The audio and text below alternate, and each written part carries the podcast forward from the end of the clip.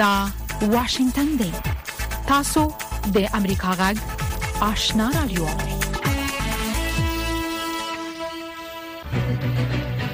قدرمن اوریدونکو السلام علیکم زه شافیا سردار یم دا د امریکا جغ آشنا را دوه خبرونه پیل شوه لومړی به خبرونه واوري د خبرونو لوستونکو سید سلیمان شاه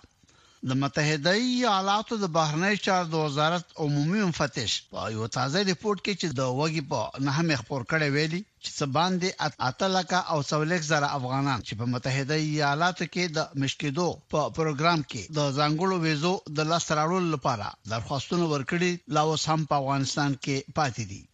دا خلک د هغو افغانانو په جمله کې شامل دي چې په تېرو شلو کلونو کې د متحده ایالاتو د پوځ او یا حکومت سره په افغانستان کې مرسته کړې وه. دا واشنگټن دی د پاکستان پوز د جمعې په ورځ د وګي په لسمه ویل چې د خیبر پښتونخوا په صوبه کې لوسلوالو جنگیالو سره په دوو نخوتو کې درې پوزیان وژل شوې دي پاکستان د پوز د مطبوعاتي دفتر په بیانیه کې راغلي چې دغه نخوتو کې چې په شمالي وزیرستان کې وشوي د پوز یو جګړن یو عسكر او یو وسلوال حمله کوونکې وژل شوې دي د پاکستان د پوځ په وینا استخباراتي ځواکونه د حمله کوونکو د لټون په غرض شمالي وزیرستان ته تللي دي د پاکستان د پوځ د مطبوعاتي بیانیې لمخې په یو بل پیښه کې چې د خیبر پښتونخوا د خیبر په سیمه کې شوی د پوځ یو عسكر او یو وسلوال وژل شوی له بلې خوا په زرهاو پاکستاني سوداګرو د شنبې په ورځ د وږي په یولسمه د انرژۍ او تېلو د بیې د لوړېدو په خلاف د اعتراض په توګه خپل دوکانونه او هټۍ وتړلې پراخه سرتاسري اعتصاب یې پیل کړ. په پاکستان کې د انفلاسیون کچه دا وخت له حده زیاته لوړه ده او د ناسم مدیریت او بې ثباتۍ په وجه اقتصاد د ګډوډۍ په لورې رهي شوی.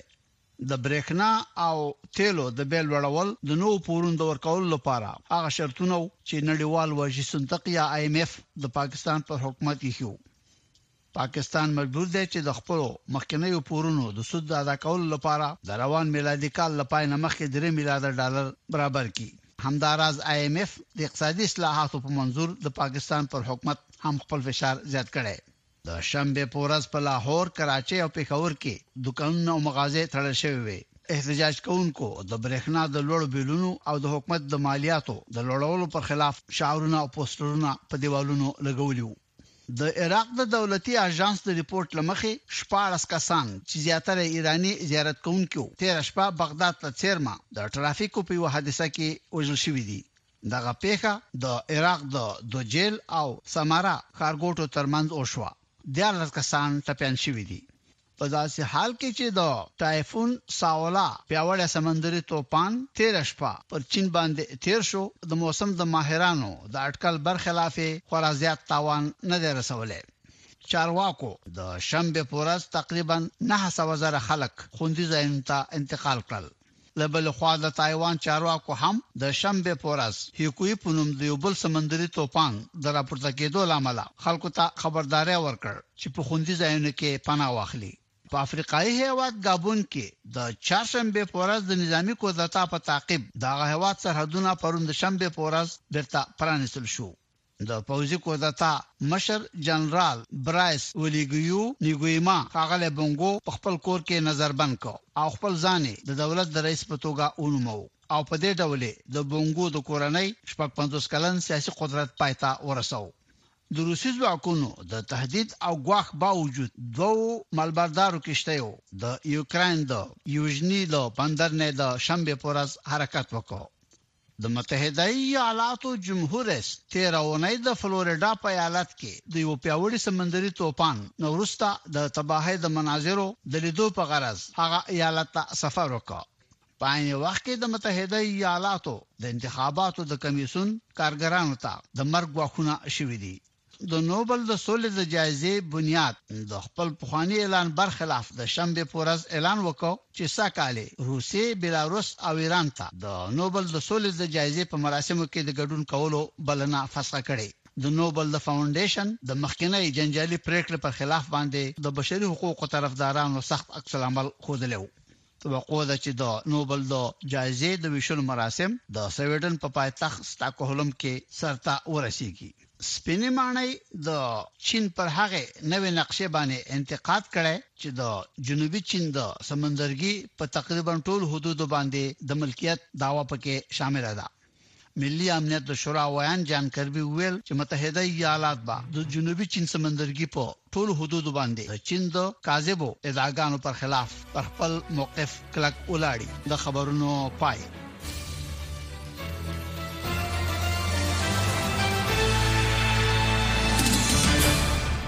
خبرونه مو د امریکا جغ آشنا رادیو څخه واوریدل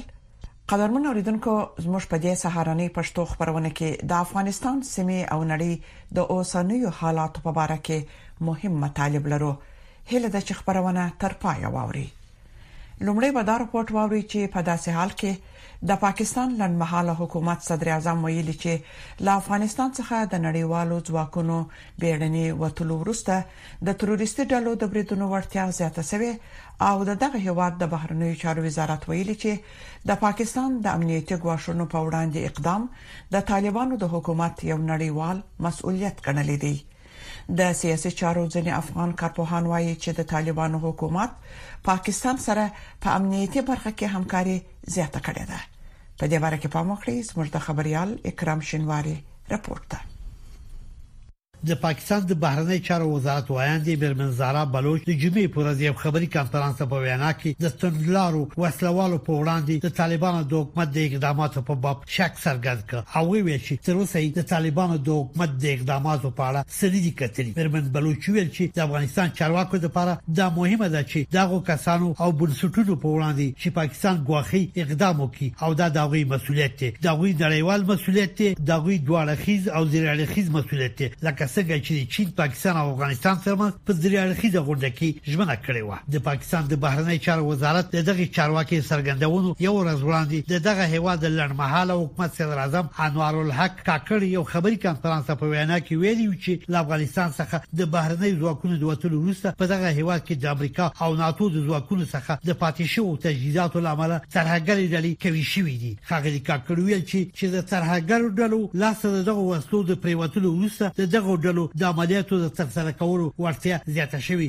تو یې ریسپانسبل وډرال کې بجای رشډ وډرال کې طرف. ښاغلي کاکړ ویل چې ځواکونو د یو با مسولیته وتلو پر ځای دا ځواکونه په بیړه ووتل په بیړه د ځواکونو د وتلو له امله نه یوازې د پاکستان اوسیدونکي بلکې د منځنۍ اسیا او د ایران پورې اړوند غیر قانوني ډلو هغه تجهیزات چې شته هغوی پرې خپله وړتیا زیاته کړې ده. پروسه انهانس کړ ګي عدنان الحق کاکړ ویل چې د دغو ډلو د بریدونو وړتیا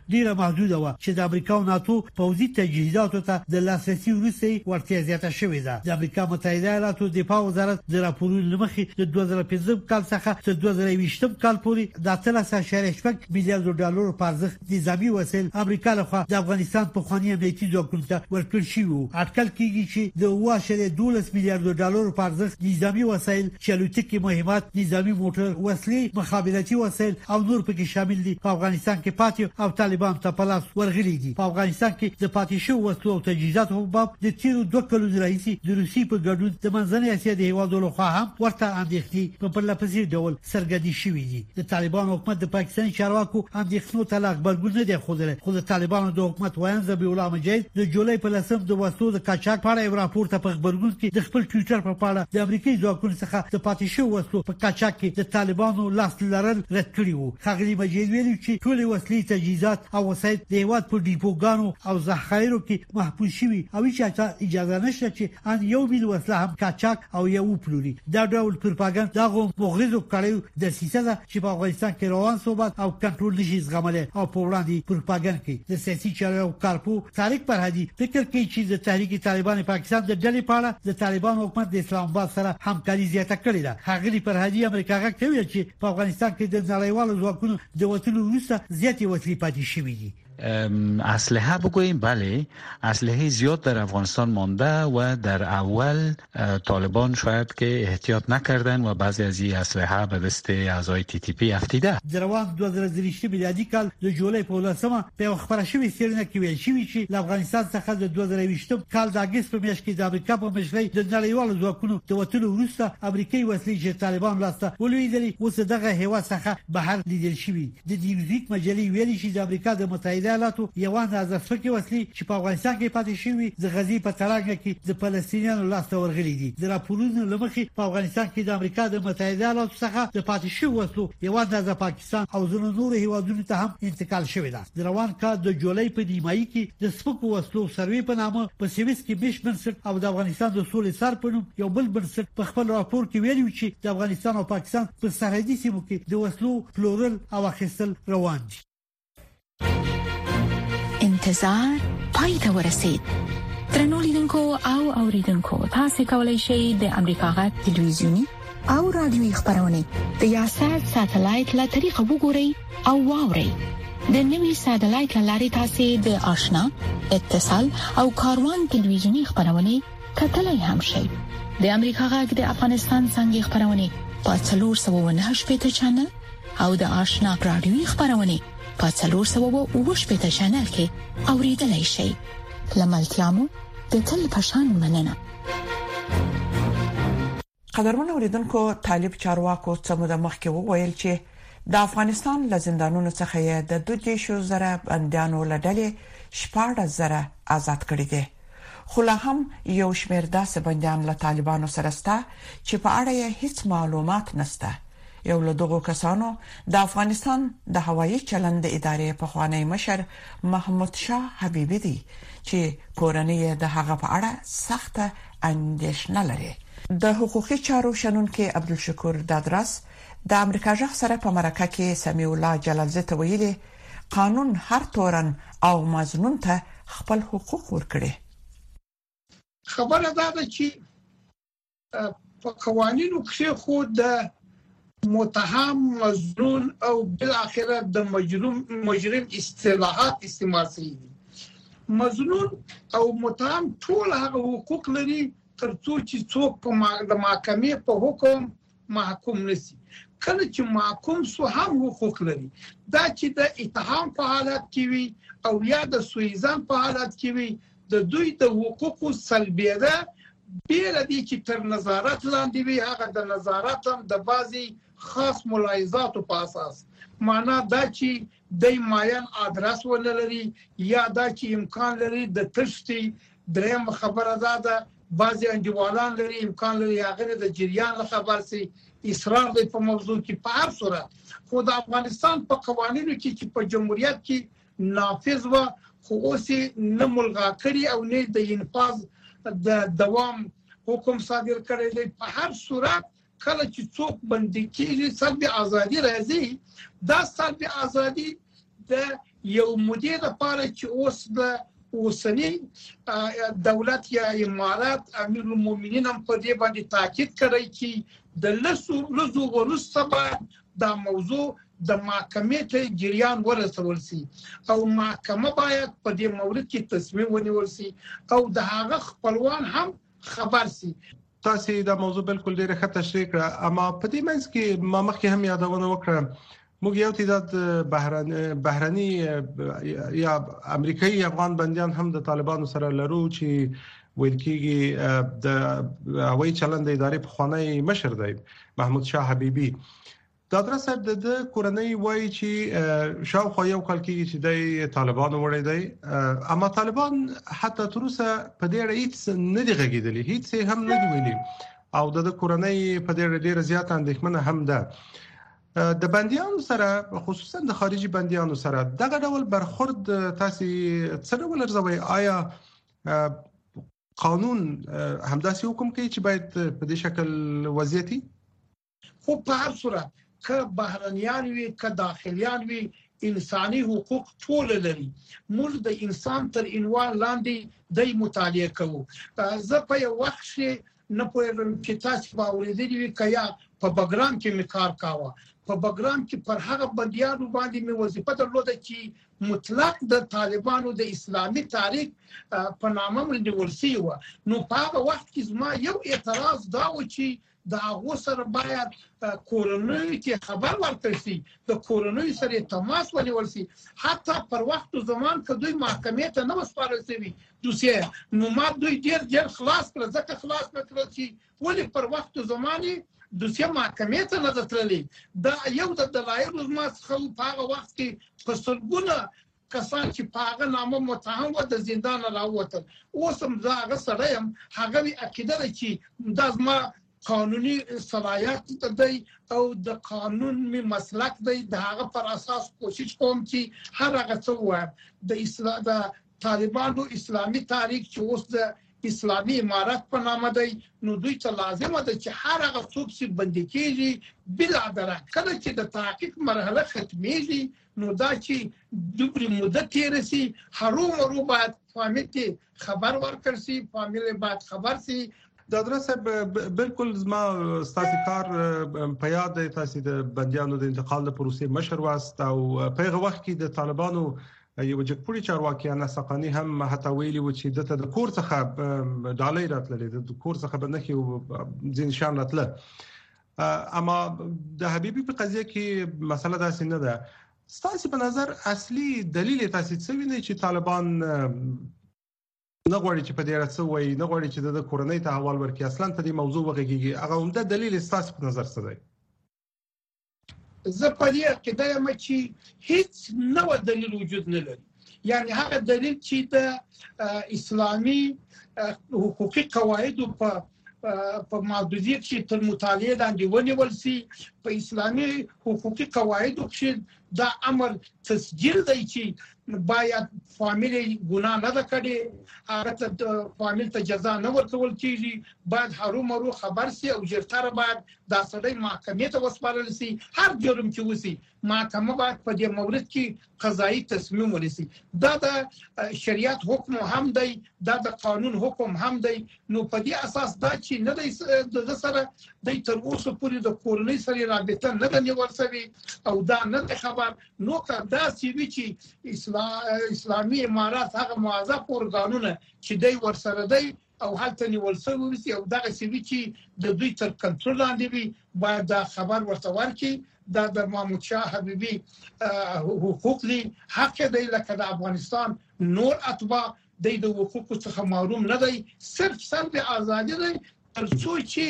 هغه حالت معلومیږي چې دی واقعا الزامیت پیدا کوي کې نه پیدا کوي ځکه د محکمې تر قطعي حکم پورې برائت الذمه اصلي حالت دی یعنی تر څو چې د محکمې قطعي او نهایی حکم ونسی هغه یو بیګناه دی متضاد اړخونه بیلابیل دریزونه د سپیناوي تود مخامخ بحث او په اخر کې قضاوت ستاسو پر مهمو سیاسي امنیتي اقتصادي او ټولنیزو مسایلو د افغانستان سیمه او نړۍ باندې د جوړ چیډنیز بحث مهمه او نيزه خبرونه هایل د هرې جمعې په ورځ د افغانستان په وخت د ماخام ونیمونه تر اته بجو پورې د امریکا غږ د سټلایټ لاري په ژوندۍ بانه هایل د امریکا غږ د روانو چارو نوي ټلویزیونی خبرونه قدرمن اوریدونکو په اسلام آباد کې د ټاکسي لا پولیس وايي یو افغان پیغله ځان وژنه کړې چې کورنۍ یې ادعا کوي د امریکا ویزې ته انتظار، بې برخلیکه ژوند او اقتصادي ستونزو دې ته مجبور کړ چې خپل ژوند یې ختم کړ. تر دې مخکې دوه نورو افغانانو هم هلته د ورته ستونزو له امله ځان وژلی و. خدای نور ناصر په دې اړه رپورټ لري. د مریم سادات د خوب خونه او هغه ځای چې دې ترې ځان وغورځاوه او خپل ژوند یې ختم کړ. د اغلې سادات کورنۍ وايي د امریکا پی ټو ویزې اوږده انتظار او اقتصادي ستونزو دې ته اړه کړه چې خپل ځان په خپله ووژني. پلار ته یې نږدې خپلوان د تسلۍ لپاره راځي. دا سپین ږیری پلار یې وایي د کډوالۍ له ستړي ژوند سره سره یې کورنۍ ستونزې هم درلودې چې دغه ګام یې واخیست. وقتی که ما تا دبی شوه آدمی تاشو زنه میتونه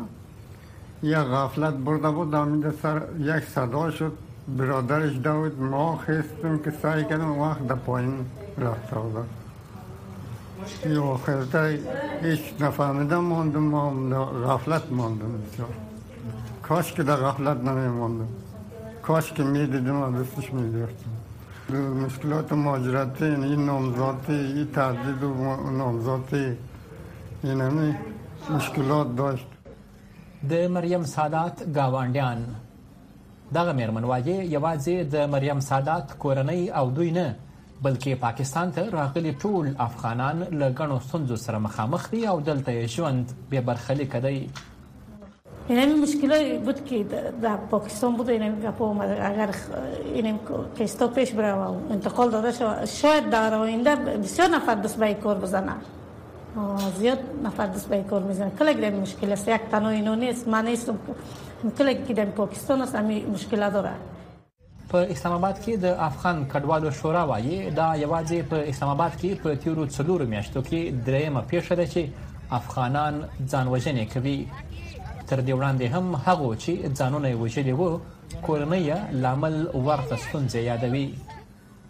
له اګست دوه زره یوویشت عیسوي کال راهیسې په سلګونو زره افغانان پاکستان ته په دې نیت راغلل چې په میاشت دوه کې به یې د امریکا او نورو بهرنیو هیوادونو د ویزو کار وسی او لاړ بسی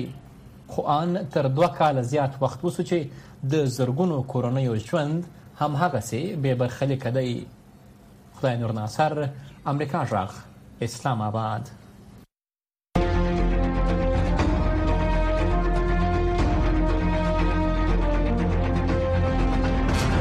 اتصال زموږ او ساسي پیوستون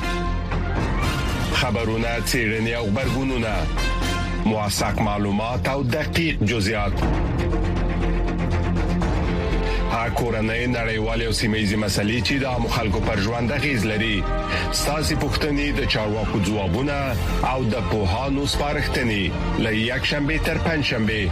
هر مخام په شپږ بجو او دیشو دقیقو له واشنگټن څخه پر ژوندۍ بڼه د سټلایټ ټلویزیون او ټولنیزو شبکو لاري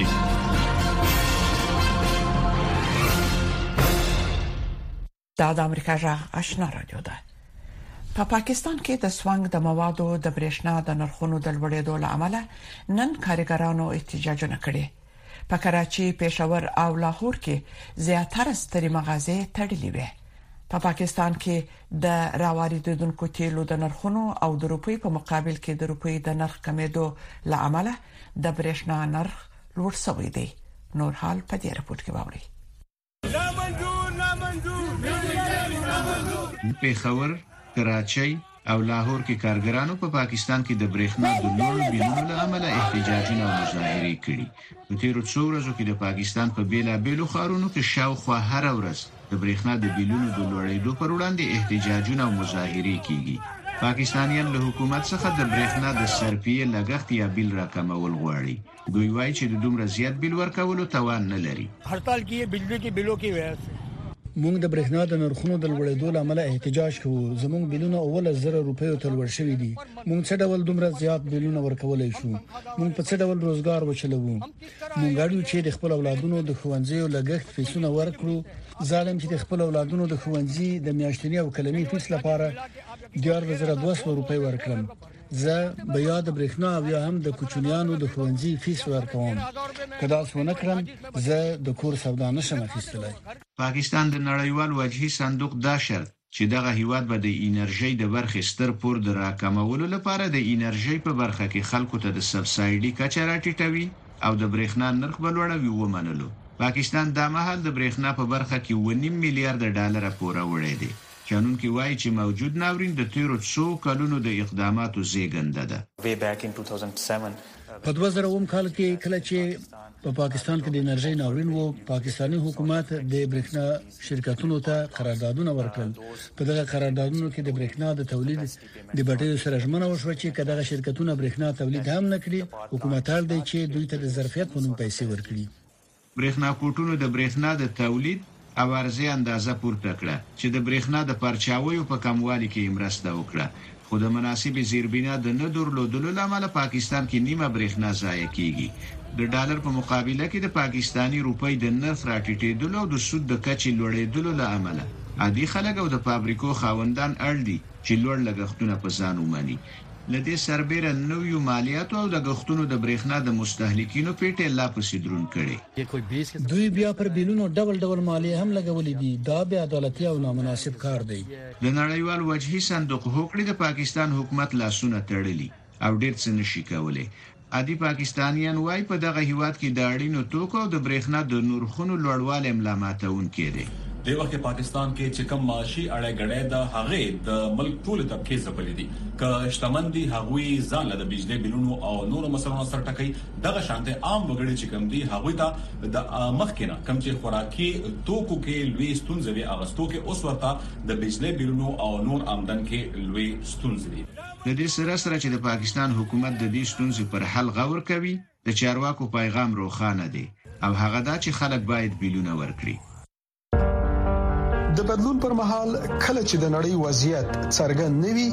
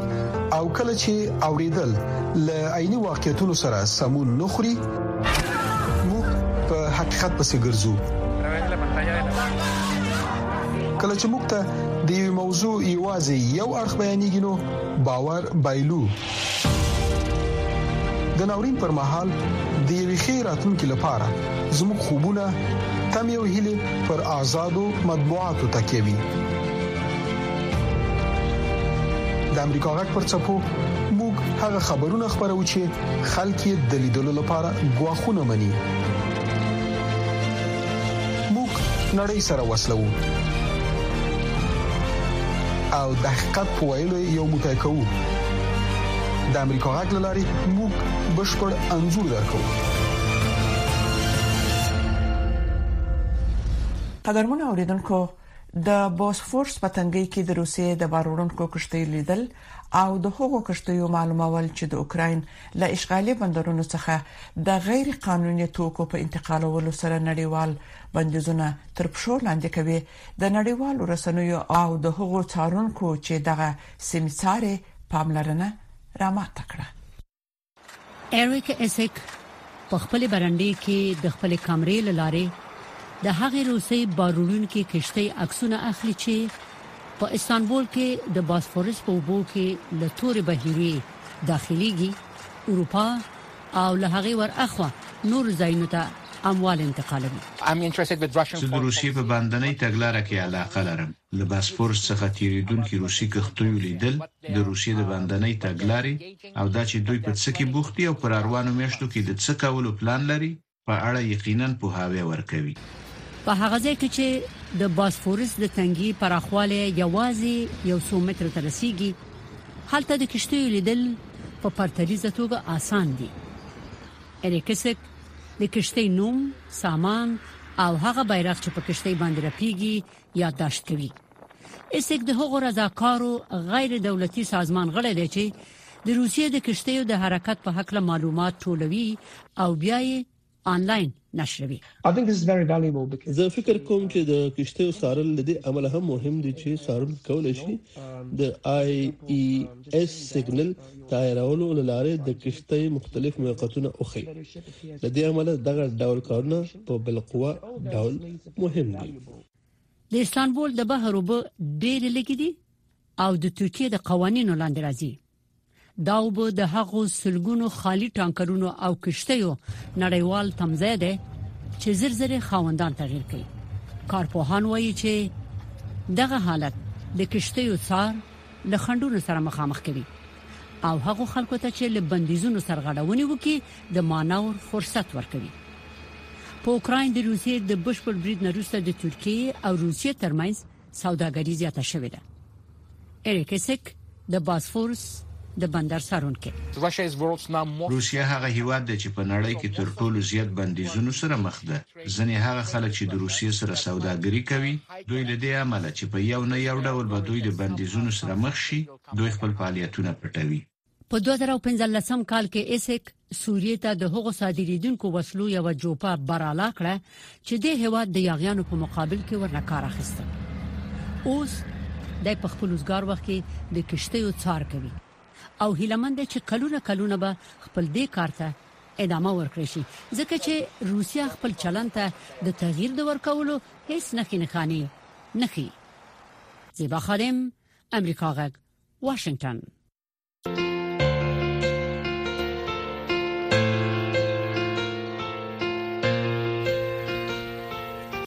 درنو لیدونکو زموږ د خبرونه په همدې ځای پای ته ورسیده